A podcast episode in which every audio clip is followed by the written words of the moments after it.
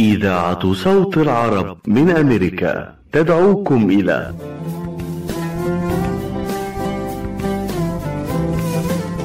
نسائم الأربعاء.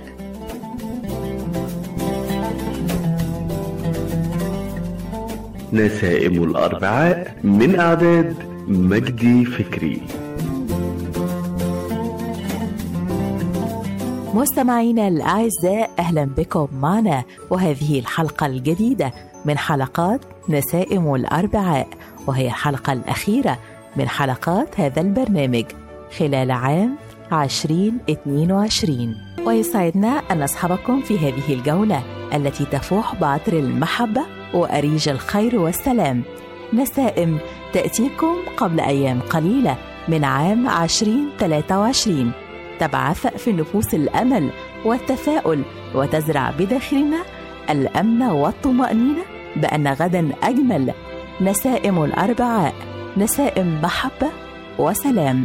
نهديها إليكم عبر أثير إذاعة صوت العرب من أمريكا. أيام قليلة ويطوي عام 2022 أوراقه ويلملم ذكرياته ليرحل بكل أحداثه. حلوها ومرها وتبقى محفوظة في الذاكرة بكل ما فيها. هيا بنا في أولى فقرات هذه الحلقة. نتابع أخبار أمريكا والعالم والعالم العربي من خلال هذا الموجز الإخباري. والزميلة هناء صبحي. مستمعينا الكرام أهلا بكم معنا وهذه الجولة السريعة مع أهم أخبار أمريكا والعالم والعالم العربي. ونبدأ الجولة الإخبارية اليوم بأخبار الولايات المتحدة أعلن الرئيس الأمريكي جو بايدن حالة الطوارئ في ولاية نيويورك وأمر بالمساعدة الفيدرالية لتكملة جهود الاستجابة الحكومية والمحلية بسبب العاصفة الثلجية. تسببت العاصفة الثلجية الأسوأ منذ عقود في الولايات المتحدة تسببت في مصرع أكثر من خمسين قتيلا وعشرات الإصابات في 12 ولاية أمريكية إضافة إلى خسائر مادية ضخمة وإشاعة الفوضى في حركة السفر والتنقلات خلال موسم العطلات. أظهر تقرير لشركة ماستر كارد ارتفاع مبيعات التجزئة في الولايات المتحدة بنسبة 7.6% في الفترة ما بين الأول من نوفمبر وحتى الرابع والعشرين من ديسمبر الجاري وهي الفترة التي تشمل غالبية موسم العطلات. نفذت رحلة طيران تابعة لشركة لوفتهانزا الألمانية كانت في طريقها من لوس أنجلوس إلى فرانكفورت. نفذت هبوطا اضطراريا في مطار أوهير في شيكاغو بعد أن اشتعلت نيران في حاسب محمول مع أحد الركاب حسب ما أفادت شركة الطيران. ومن أخبار العالم. قال موقع صحيفة الجارديان البريطانية إن الرسالة المصورة للملك تشارلز الثالث بمناسبة حلول عيد الميلاد حققت مشاهدات هي الأكثر لملك في البلاد منذ بدء تسجيل مشاهدات هذه الرسالة السنوية. حثت الأمم المتحدة حركة طالبان على إلغاء قانون حظر عمل النساء والفتيات في المنظمات غير الحكومية قدم الرئيس الروسي السابق ونائب رئيس مجلس الأمن الروسي ديمتري ميدفديف توقعات مستقبلية لعام 2023 والتي جاء فيها ارتفاع أسعار النفط والغاز وانهيار الاتحاد الأوروبي واندلاع حرب أهلية في الولايات المتحدة وفوز إيلون ماسك في انتخابات الرئاسة الأمريكية. وإليكم أهم أخبار العالم العربي حازت الإمارات على المركز الأول عالميا في قطاع التعليم والتدريب التقني والمهني ضمن مؤشر المعرفة العالمي 2022 والصادر عن برنامج الأمم المتحدة الإنمائي بالتعاون مع مؤسسة محمد بن راشد آل مكتوم للمعرفة. افتتحت في مصر أول دار لرعاية كبار السن من الممثلين والفنانين وتحمل اسم دار القوة الناعمة للرعاية وتسعى لضمان حياة كريمة لشخصيات ثقافية تركت بصمة في مجال الفن وأضحت من وجوه القوة الناعمة لمصر.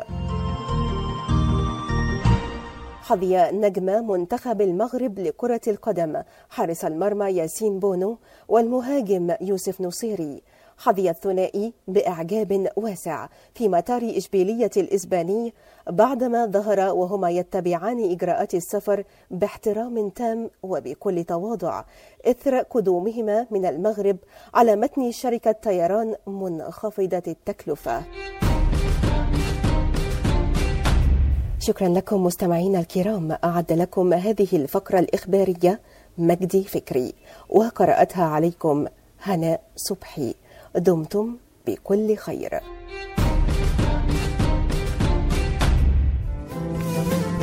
نسائم الأربعاء. والآن قبل أن ندخل باقي فقرات نسائم الأربعاء هيا بنا نتابع هذه الحلقة من برنامج كنائس لها تاريخ.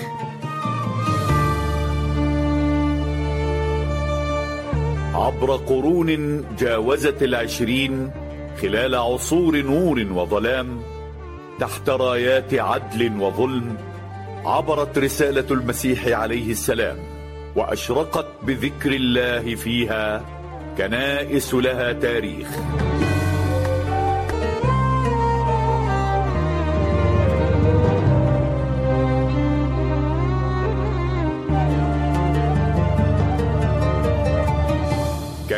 كنائس لها تاريخ. إعداد دكتور محمد محفوظ. التقديم خالد الذهبي. الإخراج دعاء حسنين. هذا البرنامج يأتيكم برعاية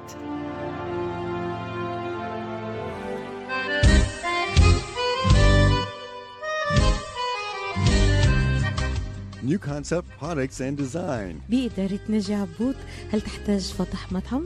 هل تحتاج فتح محل للمواد الغذائية؟ هل تحتاج تصاميم وخرائط؟ اتصل بناجي عبود على الرقم 734-744-9796 هل تريد شراء معدات المطابخ والمطاعم وبأسعار مخفضة وتسهيلات بالدافع؟ اتصل بناجي عبود الآن على الرقم 734-744-9796 خصم 5% عند الشراء ب 75 ألف أو أكثر على كافة المواد. لمزيد من المعلومات زوروا موقعهم الإلكتروني على www.newconceptproducts.com أو زوروهم في موقعهم الجديد. 31185 Schoolcraft in Livonia. ناجي عبود العلامة المميزة في عالم المطابخ. الكنيسة المرقسية بالإسكندرية.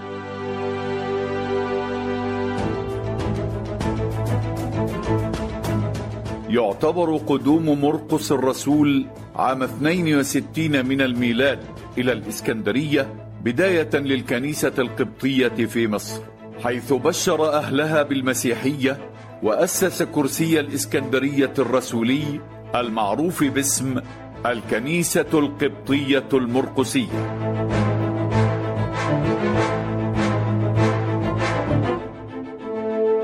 كان إنيانوس أول المؤمنين بالمسيحية في مصر وهو صانع أحذية مصري حول بيته إلى كنيسة فصار بيته أول كنيسة في إفريقيا وعرفت باسم كنيسة بوكاليا وهو المكان ذاته الذي تقع فيه الكاتدرائية المرقسية الحالية بالإسكندرية.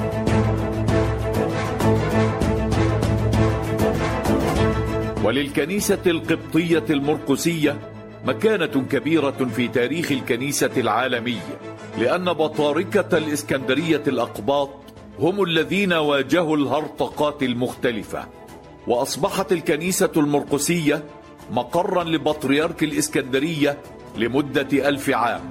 ثم انتقل المقر عدة مرات إلى أن أصبح الآن في أرض الأنبا رويس بالعباسية في القاهرة.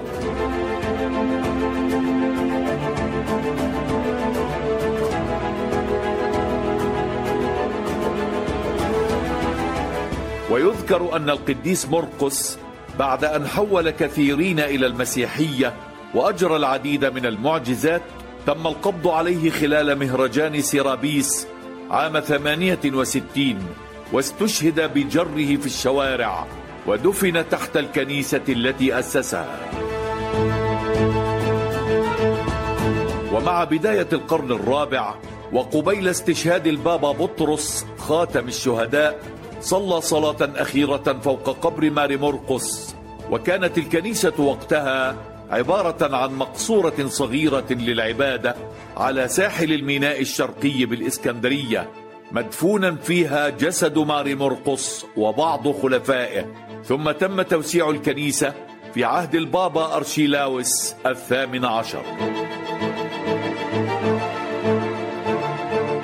ومع نهاية القرن السابع قام البابا يوحنا السمنودي البطريرك الأربعين بإعادة بناء الكنيسة وفي منتصف القرن التاسع سرق بحارة إيطاليون جسد مرقس ونقل إلى مدينة البندقية فينيسيا بإيطاليا وبقيت الرأس بالإسكندرية.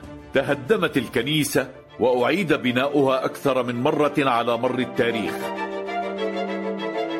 وفي نهاية القرن التاسع عشر تم بناؤها على الطراز البيزنطي مع تزيينها بعدد كبير من الأيقونات الجميلة. وفي عام 1952 قام البابا يساب الثاني بافتتاح الكاتدرائية الجديدة وصلى أول قداس بها. عندما تدخل من الباب الخارجي للكنيسة تجد على يساره مبنى يعود للقرن الماضي يحتوي على مقر البابا ووكيله بالإسكندرية وقاعات الكلية الإكليريكية التي تختص بالعلوم المسيحية. وقد تم الاحتفاظ بحامل الأيقونات الرخامي والكرسي البابوي مع باقي الأيقونات الأثرية بالكنيسة وتم نقل الأعمدة الرخامية الستة التي كانت ترتكز عليها الكنيسة إلى المدخل وتم الاحتفاظ بالمنارات بعد تعليتها وتزويدها بنقوش قبطية جميلة. وفي عهد البابا شنود الثالث عام 1990 ومع زيادة عدد المصلين تم توسيع الكنيسة من الجهة الغربية. نسائم الأربعاء. أنف الإنسان قلما يخطئ فهو يستطيع كشف الأمور الجيدة والسيئة. لذلك يستطيع أنفك التمييز إن كان ذلك الاحتقان الذي تشعر به مجرد نزلة برد أو حساسية أو كوفيد 19 لكي تحسم الأمر خذ مسحة لأنفك وقم بإجراء الاختبار لتعرف الجواب. لأنه من الجيد أن تطمئن على نفسك. لمعلومات أكثر عن المسحات وكيفية الحصول عليها. يرجى زيارة موقع michigan.gov covid test. رسالة من وزارة الصحة والخدمات الإنسانية في ميشيغان. يوسف الحسن شايفك لازم بيد حالك عن إلي ساعة عم بستناك. مشان نروح نتغدى بالشام. الشام؟ إيه بالشام ومو بالشام. شلون صارت هي؟ بدل ما نروح نتغدى بالشام. إيه. جابوا لنا الأكلات الشامية الطيبة لعنا لهم وشلون بقى؟ هذا مطعم دماس عم يعمل كل الأكلات الشامية الطيبة هو وطيبة؟ طيبة كتير شرفوا نتغدى سوا بمطعم دمار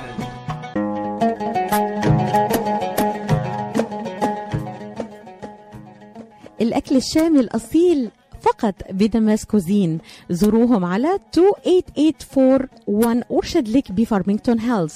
ولطلباتكم اتصلوا على 248 987 4609 That's 248 987 4609 Damas Cuisine and Catering جبنا لكم الشام لعندكم.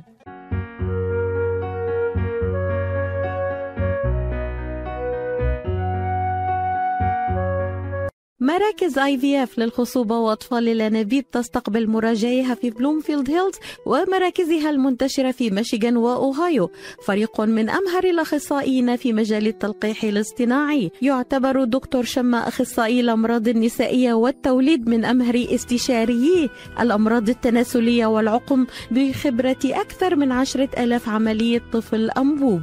رعاية طبية ممتازة وتفهم عميق للأثر العاطفي والنفسي لتأثير العقم على الحالة النفسية. لمزيد من المعلومات اتصلوا على 248 952 9600 248 952 9600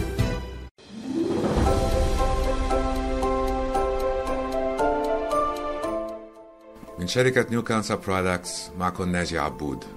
بتمنى للجميع أعياد آه، مجيدة وسنين مديدة مليئة بالصحة والعافية وهداية البال. وأشكركم على الدعم الدايم آه، في أعمالنا. ونتمنى أن نتلاقى في السنة الجديدة بأحلى أوقات ومشاريع جديدة. كل عام وأنتم في خير. نسائم الأربعاء. والآن نعود إلى فقرات نسائم الأربعاء ونبدأ من مصر حيث تقدم لنا الزميلة تنازيه نوفل. بانوراما لأهم أحداث عام 2022 والاحتفالات الشعبية مع قدوم ليلة رأس السنة. مستمعينا الأعزاء في الولايات المتحدة وفي كل مكان أهلا بكم. كل سنة وأنتم طيبين. عام جديد سعيد إن شاء الله عليكم وعلى العالم كله. تعالوا أولا نرجع بيكم لورا شوية ونتذكر سويا أهم الأحداث اللي شافتها مصر خلال عام 2022 وهنبدأ من أجمل مدن مصر مدينة السلام شرم الشيخ. وهنختتم الأحداث بيها أيضا. ففي شهر يناير وبالتحديد في يوم 10 يناير انطلق في مدينة شرم الشيخ منتدى شباب العالم. وتعالوا نتذكر أهم الشخصيات التي رحلت عن عالمنا في عام 22 ونبدأ بالشخصيات الفنية ومنهم الفنانة مها عوف التي رحلت في بداية العام في 6 يناير عن عمر 65 سنة. والفنان الجميل المطرب أحمد الحجار شقيق الفنان الكبير علي الحجار. والممثلة القديرة عايدة عبد العزيز الفنان الكبير المخرج والممثل جلال الشرقاوي الممثل والمخرج زكي فطين عبد الوهاب الفنان هشام سليم والفنانة رجاء حسين والملحن الشهير محمد سلطان. ما ننساش أيضا رحيل الإعلام الشهير وائل الإبراشي والصحفي صلاح منتصر ومنير عامر والصحفي الرياضي الشهير إبراهيم حجازي والمستشار رجاء عطية. نقيب المحاميين في مصر واللواء محمد عبد السلام محجوب أشهر محافظ للإسكندرية. وفي عالم الأدب رحل عنا الروائي الشهير الكبير بهاء طاهر. دول كانوا مجموعة من أهم الشخصيات التي رحلت عنا خلال هذا العام. وزي ما بدأنا من شرم الشيخ نختتم رحلتنا في أحداث 2022 من مدينة شرم الشيخ. حيث أقيم أهم مؤتمر عالمي هام وهو مؤتمر الأمم المتحدة للتغير المناخي السابع والعشرين المعروف أيضا باسم كوب 27 اللي انطلق في السادس من نوفمبر واستمر إلى الثامن عشر من نفس الشهر في أكبر تجمع سنوي حول العمل المناخي وكان حدث عالمي حضره رؤساء وزعماء الدول العربية والأوروبية وعلى رأسهم الرئيس الأمريكي جو بايدن. والآن تعالوا ندخل في شوارع مصر وأحيائها ونعرف بعض الاحتفالات والطقوس الشعبية والفنية اللي بيستقبل بيها المصريين العام الميلادي الجديد. تبدأ الاحتفالات في مصر في يوم 31 من شهر ديسمبر في منتصف الليل حيث تضيء الألعاب النارية والليزر السماء في هذه الليلة. وتبدع العائلات والأسر المصرية بالاحتفال برأس السنة في المنزل حيث تقيم حفلات مصغرة داخل كل منزل. ويقوم البعض بشراء شجرة كبيرة للاحتفال ويقومون بتزيينها بزخارف وأضواء ونجوم والعديد من الكور الملونة وأيضا شراء الألعاب النارية وإطلاقها من شرفات المنازل. وهناك أيضا مجموعة من العادات الاحتفالية مثل عادة تكسير الزجاجات الفارغة وإلقاء كل ما هو قديم تفاؤلا بالعام الميلادي الجديد وبالرغم من أنها عادة غير جيدة إلا أنها لا زالت تمارس حتى الآن ولكن بشكل أقل. وفي بعض المدن الساحلية مثل بورسعيد تطلق السفن الموجودة بالميناء أبواقها في الساعة الثانية عشر كمظهر من مظاهر الاحتفال. وكذلك تدق أجراس الكنائس بنغماتها الساحرة للاحتفال بليلة راس السنة ونجد انتشار شخصية بابا نويل في الشارع المصري حيث يلبس زيه المشهور بالحلية الحمراء واللحية البيضاء حاملا كيس الهدايا على ظهره ويقوم بتوزيع الهدايا والحلويات على الأطفال شوارع مصر بتتزين لاستقبال العام الجديد. بتعليق الزينة والأنوار وشجر الكريسماس المزين بالألعاب والزخارف وبابا نويل وهداياه. ويصطف الجميع لالتقاط أجمل الصور التذكارية احتفالا بالعام الجديد. وبكده نكون وصلنا لآخر فقراتنا عن استقبال العام الجديد في مصر. وأنتم معنا أعزائي مستمعي إذاعة صوت العرب من أمريكا. تسكنون القلوب مهما رحلت السنين. كانت معكم تنازيه نوفل. والآن نذهب في جولة في الخليج العربي لنتعرف على أهم مظاهر الاحتفالات برأس السنة الجديدة وهذا التقرير الذي تقدمه لنا الزميلة هبة أسامة من الرياض عاصمة المملكة العربية السعودية. هلا وغلا مستمعينا الكرام عساكم بخير. تزامنا مع اقتراب العام الجديد 2023 والذي لا يفصلنا عنه إلا أيام قليلة حيث بدأ العد التنازلي لاستقبال رأس السنة الميلادية الجديدة 2023 والتي نأمل من الله أن تتحقق الأحلام فيها والآمال وأن يكون عاما مليئا بالخير والبركات. تحرص كافة دول الخليج على التجهيز لاستقبال رأس السنة الميلادية الجديدة. بإقامة العديد من الحفلات والمهرجانات التي تجذب السياح إليها. ففي المملكة العربية السعودية تهتم بليلة رأس السنة وتقوم بإقامة عدة حفلات يعملون خلالها على جذب السياح إليها. وتعتبر عاصمة السعودية الرياض من أبرز مدن المملكة وأجملها. ويعتبر حفل رأس السنة من أضخم الحفلات وأكبرها على مستوى المملكة العربية السعودية. وسيتم إقامة الحفل بمشاركة العديد من نجوم العرب ومن أبرزهم أسمى المنور فنان العرب محمد عبدو أحلام أصالة وأنغام وعلي بن محمد ونبيل شعيل وعباد الجوهر وعبد الله رويشد ونوال الكويتية وماجد المهندس الرياض تضم الكثير من الأماكن السياحية المميزة التي يرغب الناس في زيارتها ومن أجمل الأماكن السياحية منتزه الخيمة وحديقة السلام وملاهي البعيجان وملاهي تولان ومدينة الثلج سباركيز سبلاش ومركز الملك عبد الله المالي وحديقة الخيال مدينة الترفيه برجون دفقة ماء الرياض وحديقة الوطن. والآن نتحدث عن قطر. بعد التحضيرات المهيبة والمميزة التي قامت قطر بتحضيرها لمونديال كأس العالم 2022 فقد أبدى العديد من زوار دولة قطر من مختلف أنحاء العالم انبهارهم بهذه التحضيرات المميزة.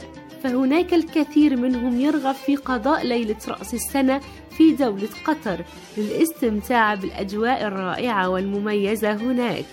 فقد عرفت دولة قطر بتميزها في استضافة العديد من الحفلات الشهيرة.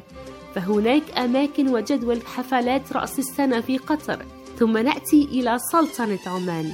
حفلات رأس السنة في سلطنة عمان هي واحدة من أكثر الوجهات شعبية للسياح.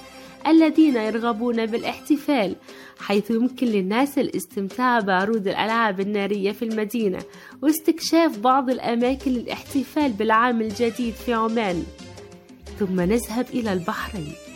كشفت الهيئة البحرينية للسياحة والمعارض عن أضخم تنظيم لفعاليات رأس السنة الجديدة والذي سوف يستمتع بها الحضور. تبدأ الاحتفالات في حديقة الأفنيوز. سيتم إحياء فرقة مجاز فقرة غنائية.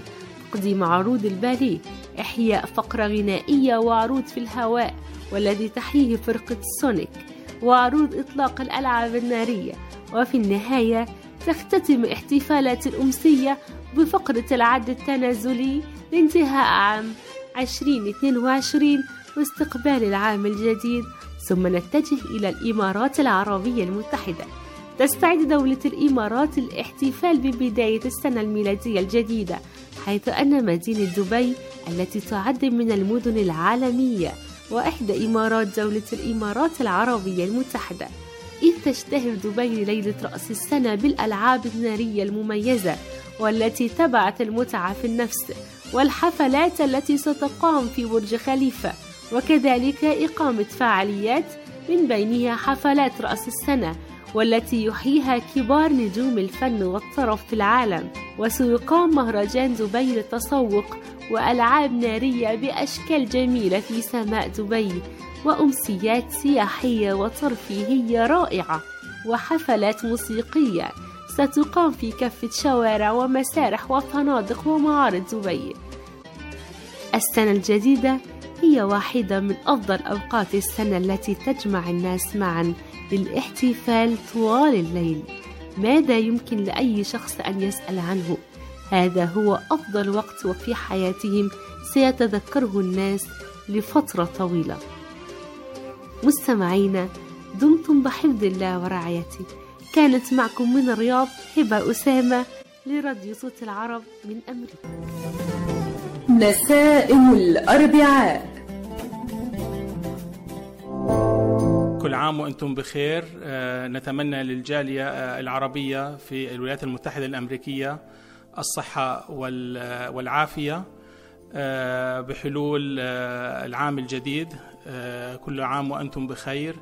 ل- للبشرية جمعاء. في Top Rehab Physical Therapy محمد فرح حسين يهديكم ويهنئكم بحلول العام الجديد. كل عام وأنتم بخير. مجددا ودائما من Top Rehab Physical Therapy and محمد آه، فرح حسين آه، والشكر آه، الجزيل لل US Arab Radio from America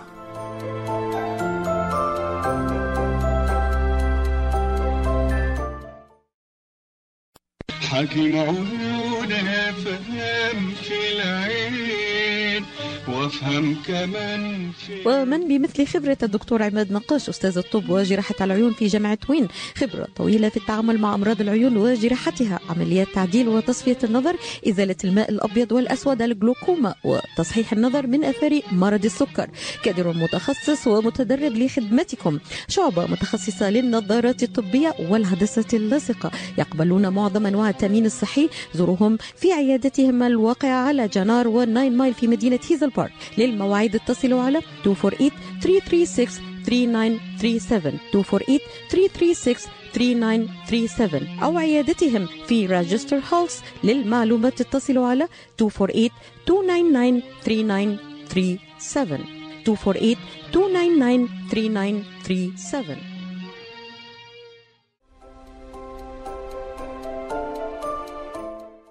تحياتي أنا علي البغدادي وتحيات شريكي فادي بهنام. نرحب بكم قاعة عشتار الجديدة. آه، قاعة عشتار هي آه، صالة إضافة للصالة الموجودة. الصالة هاي هم بها التراث العراقي والحضارة العراقية. الحضارة اللي هي من من الشرق إلى الغرب ومن الجنوب إلى الشمال. ال- كل العراق فيها الأنهر الثنين فيها بابل فيها ال- الباص آه، الثور المجنح في الكنيسة في الجامع. يحكي العراق عامة. عامة يحكي العراق بهاي اللوحة. إن شاء الله تزورونا وتشوفوها وتتمتعون ويانا همين بالأكل الموجود مال عشتار. وعندنا ضفنا هميني كهرمانة والأربعين حرامي. آه هذا هم موجود آه، ببغداد هاي الكهرمانة. معلم كلش حلو موجود ببغداد. وإن شاء الله تجونا وتشرفونا وتتمتعون بهاي الأجواء الحلوة.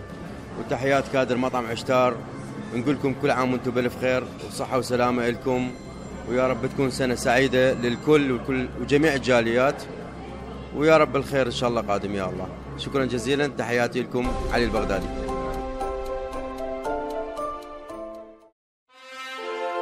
مؤسسة الحياة للإغاثة والتنمية تتمنى لكم أعيادا مباركة وكل عام وأنتم بخير. نسائم الأربعاء. لبنان الساحرة الجميلة. تشهد العديد من الحفلات ومظاهر الاحتفالات. الزميلة الشاعرة والإعلامية هدى غازي من لبنان. تقدم لنا التقرير التالي عن مظاهر الاحتفالات في رأس السنة ابتهاجا بقدوم العام الجديد. تحية من القلب لمستمعي إذاعة صوت العرب بأمريكا. يسعد أوقاتكم بكل خير من لبنان. وسنة سعيدة وأعياد مجيدة بنتمناها لكم من طاقم برنامج نسائم الأربعاء. سنة 2022 كانت أحداثها ما بتنتسى. بتاريخ لبنان. وبعيدا عن السلبيات يلي طغت على أيام هالسنة وأثرها على لبنان والشعب اللبناني ويلي نتمنى إنها تنذكر بس ما تنعاد وخاصة الأزمة السياسية والاقتصادية يلي عانى منها البلد الأمرين.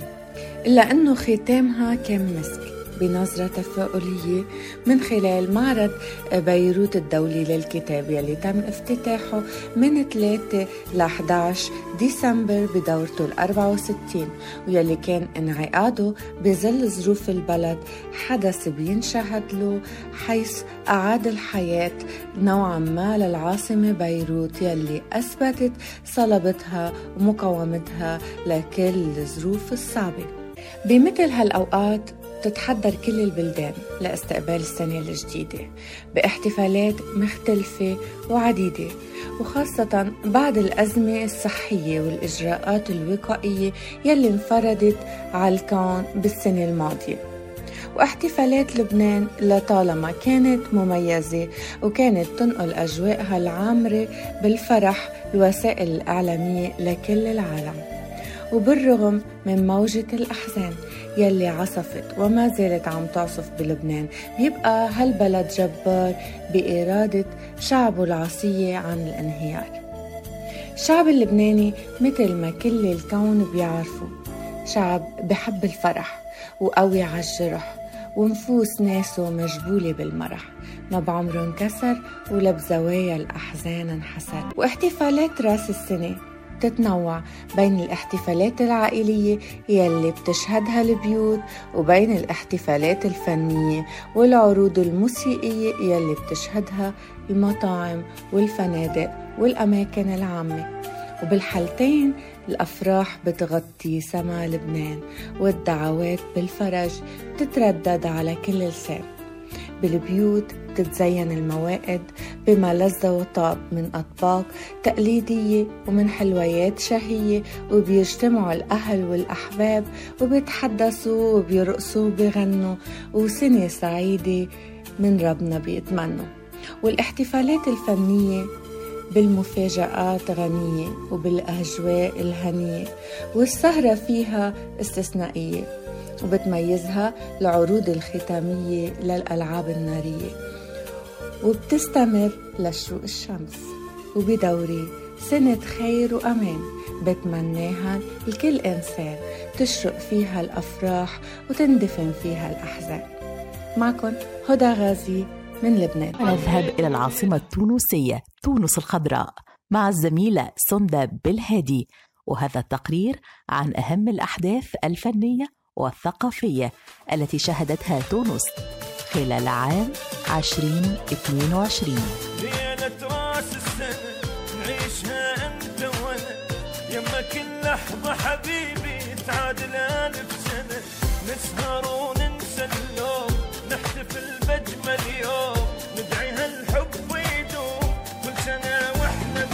مرحبا بكم مستمعينا الكرام براديو صوت العرب من أمريكا، اليوم حلقة استثنائية معكم من تونس الخضراء بعنوان حصاد تونس الثقافي لعام 2022. كامل السنة تونس تحت المهرجانات وعدة حفلات بعد سنتين من الركود من جراء فيروس كورونا. نبدأ بمهرجان قرطاج الدولي الذي كان الأعرق فنيا في تونس وحافظ على البعد الدولي بمشاركة نجوم الأغنية المحلية والعربية والعالمية في دورته السادس والخمسين. رغم الوضع المالي الصعب لكن إدارة المهرجان عملت على انتصار هذه الدورة مع المحافظة على البعد الدولي. واستضاف المهرجان عدة من نجوم الأغنية العربية منهم صابر الرباعي زياد غرسة من تونس راغب علامة من لبنان نور مهنا من سوريا وفرس سليمان من فلسطين والعازف والملحن نصير شمة من العراق وفرقة Gnawa Diffusion من الجزائر. وخصص المهرجان عرضا فنيا متميزا بعنوان أنغام في الذاكرة. لتكريم الفنانين والموسيقيين التونسيين ثلاث محمد رضا أحمد الزاوية البش... البشير السالمي. وفي العروض الأجنبية نجد فرقة بينج من كوريا الجنوبية والمغنية الفرنسية زاز نجم موسيقى الريف ألفا بلوندي لتحن العاج وعرض جاكسون. كما كان للمسرح نصيب في عروض المهرجان بتقديم مسرحية متعليق لنجم الكوميديا التونسي الأمين النهدي إضافة إلى العرض الصوفي الحضرة لفاضل الجعايبي وعرض الموسيقى الراب يحييه النجم التونسي بلكي. من مهرجان قرطاج الدولي إلى مهرجان أيام قرطاج المسرحية. افتتح في تونس الدورة الثالث والعشرين لمهرجان أيام قرطاج المسرحية الذي يعد أحد أبرز المهرجانات المسرحية العربية والإفريقية بمشاركة واسعة لدول عربية وإفريقية. الدورة الثالث والعشرين للمهرجان باحتفالية موسيقية واستعراضية بالشارع الحبيب بورقيبة. العاصمة تونس. وشارك في هذه الدورة التي استمرت من عاشر كانون الأول أي ديسمبر الفارط 82 عملا من 23 بلدا بينها مصر والجزائر والمغرب ومالي والسنغال وسوريا ولبنان العراق والسودان. وتنافست الأعمال المشاركة على جائزة الثانية الذهبي وهي الجائزة الكبرى للمهرجان. وكانت الممثلة المسرحية التونسية ليلى طوبال أول امرأة تترأس لجنة التحكيم الدولية في أيام قرطاج المسرحية. من مهرجان أيام قرطاج المسرحية إلى مهرجان الطفولة التونسية الأول من نوعه في تونس بعنوان قرطاج تعانق الطفولة تحت شعار نسعف لنحيا في وطن التسامح. وذلك كان يوم الثامن عشر والتاسع عشر من ديسمبر الجاري بمسرح الأوبرا بمدينة الثقافة بتونس العاصمة بمشاركة أطفال من عمر الخمس سنوات إلى 14 سنة. تونس مع الطفولة. نقطة مهمة للجيل القادم مع المصعد الصغير التونسي. هكذا تنتهي جولتنا. صمد بالهادي. راديو صوت العرب من أمريكا. نسائم الأربعاء.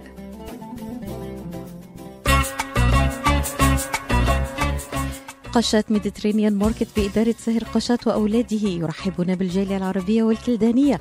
جميع أنواع المواد الغذائية البان طازجة الكرزات والبهارات الطازجة. داخل الأسواق مطعم Mediterranean شيش كباب يقدم يوميا جميع أنواع الكباب. المقبلات العربية العراقية وصواني ال combo المميزة تفتح الأسواق من الثامنة إلى التاسعة مساء من الاثنين وحتى السبت ومن الثامنة صباحا إلى التاسعة مساء يوم الأحد.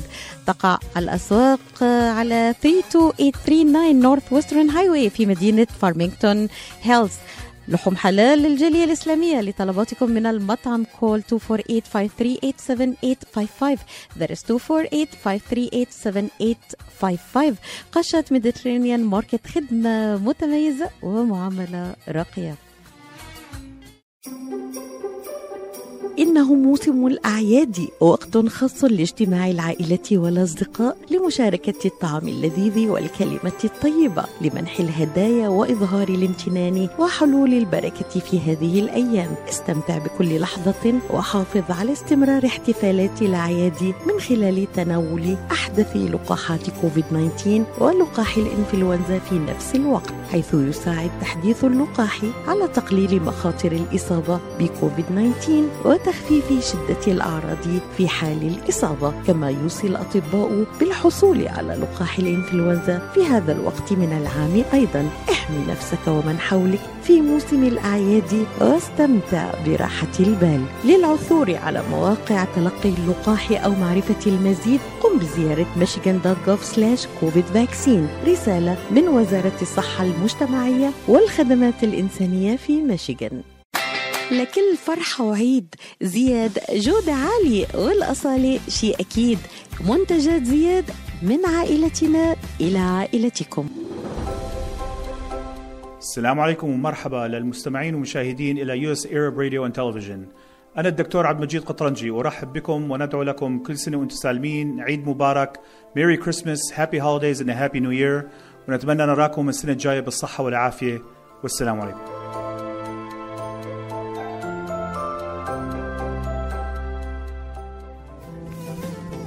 نسائم الأربعاء.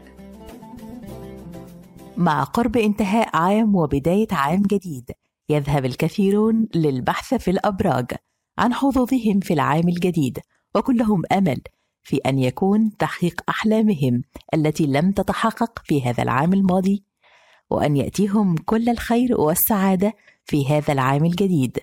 الفقرة القادمة تقدم لنا فيها الزميلة صوفيا حاتم جولة في عالم الأبراج. مع بداية كل عام جديد بيزيد الاهتمام بالأبراج. النهاردة هنقول لك إيه المثل اللي هيتناسب مع صفات برجك في السنة الجديدة. برج الحمل اللي يربط في رقبته حبل ألف مين يسحبه. وده لأن أصحاب برج الحمل عندهم شخصية استقلالية. دايما بيسعوا لتحقيق الاستقلال في كل حاجة حتى لا يكونوا تحت رحمة أحد. أما برج الثور القرش الأبيض ينفع في اليوم الأسود وده لأن شخصيات برج الثور ما بتحبش تعيش اليوم بيومه هما شوية حريصين بيحبوا يحسبوا حساب الظروف والمستقبل بيحبوا يحوشوا المال قدر المستطاع عشان يكونوا مستعدين لأي أزمة أو مشكلة. أما برج الجوزاء أسمع كلامك أصدقك أشوف أمورك أستعجب وطبعا ده بيدل على التناقض اللي موجود في شخصيات البرج ده. برج السرطان لاقيني ولا تغديني فمولود برج السرطان لا يهمه تبادل المنفعة بقدر ما يهمه الاحترام والتقدير. أما مواليد برج الأسد يا أرض تهدي ما عليكي أدي الاعتزاز بالنفس والثقة والشعور بالذات هي السمة المميزة لمواليد هذا البرج. أما برج العذراء لا بيعجبه العجب ولا الصيام في رجب وده لأن مواليد برج العذراء بينتقدوا كل شيء وبيسعوا دايما للكمال. أما برج الميزان اتمسكن لحد ما تمكن.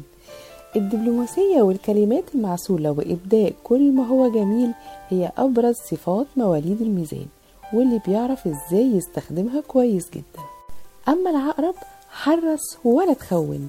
وطبعا ده لأن العقرب بطبيعته شخصية شكاكة.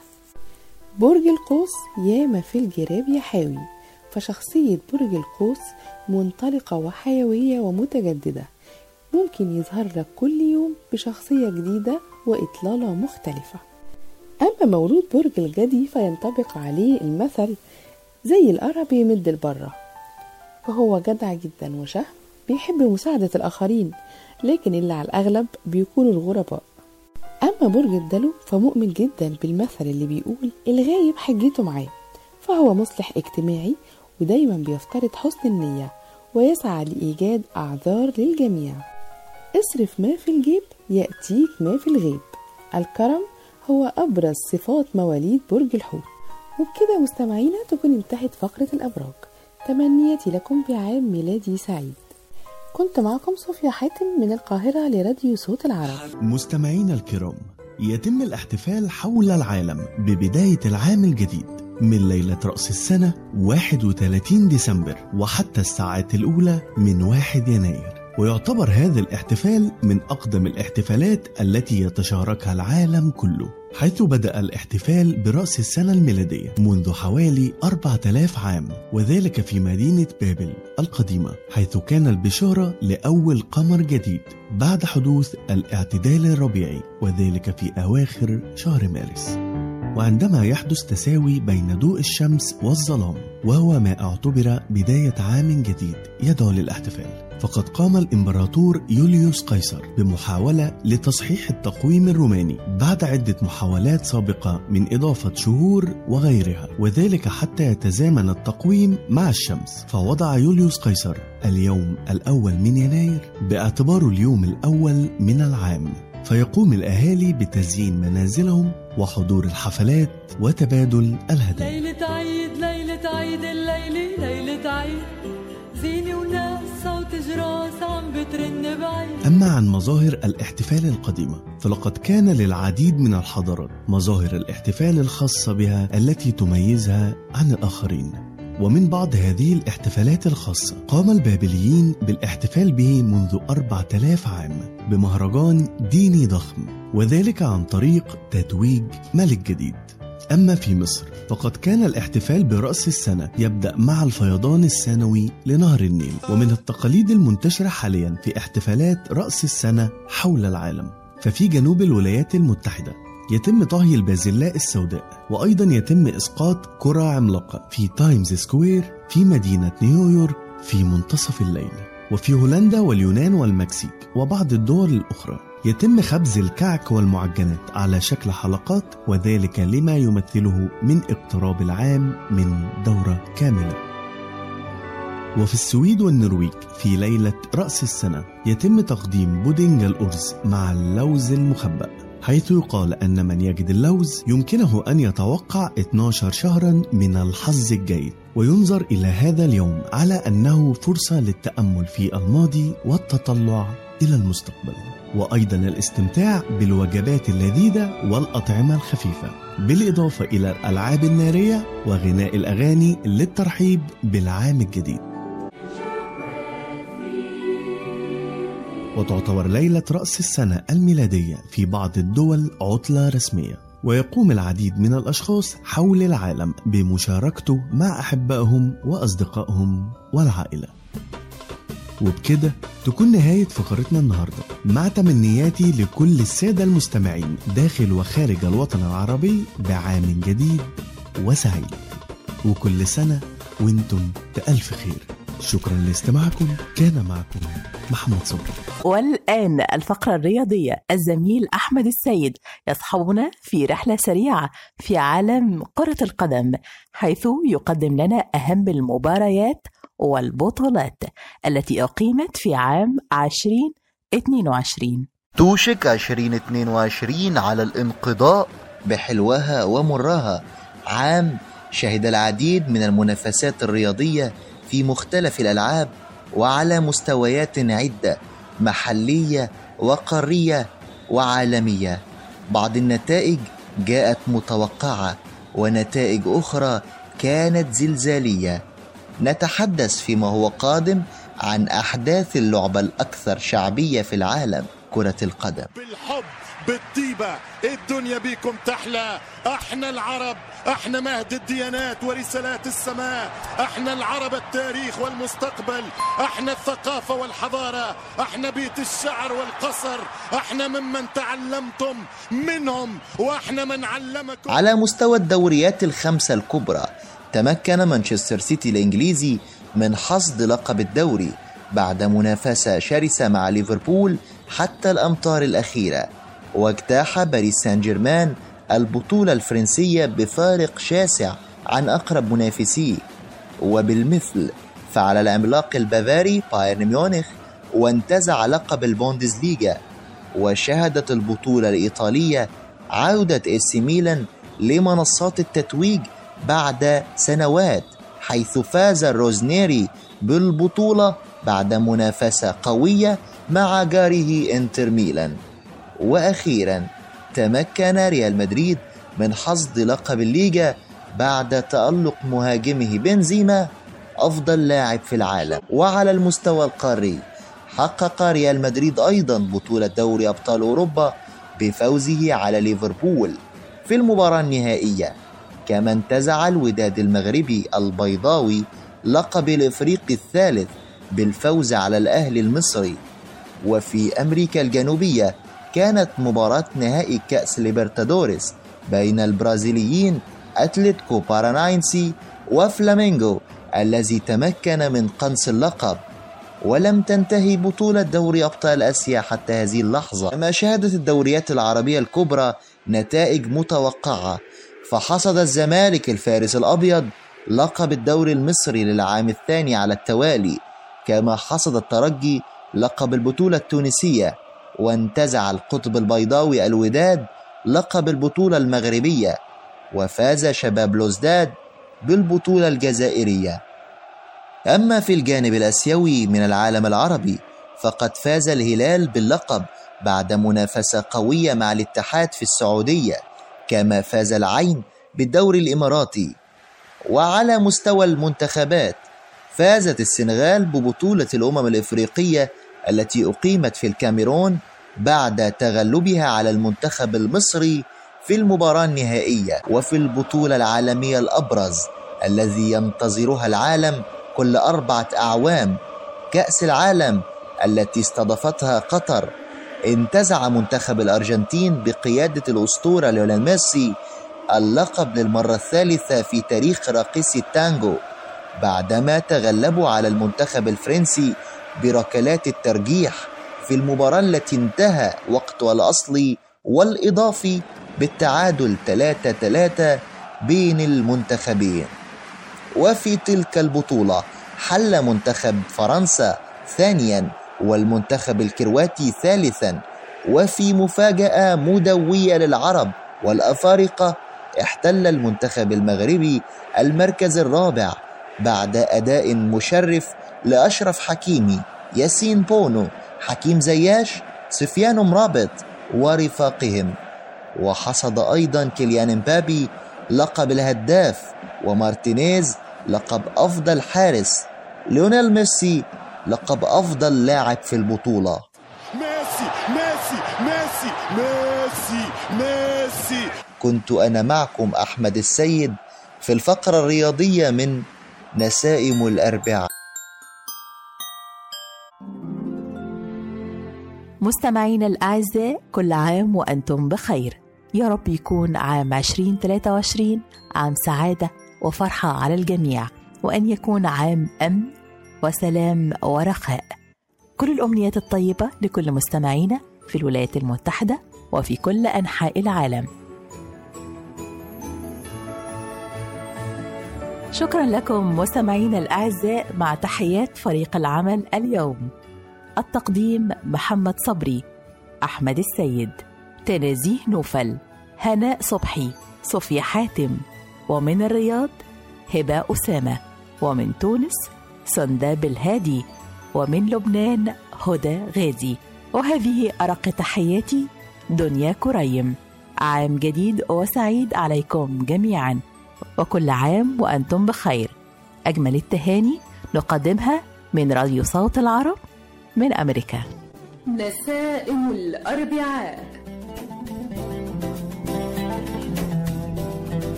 نسائم الأربعاء من إعداد مجدي فكري.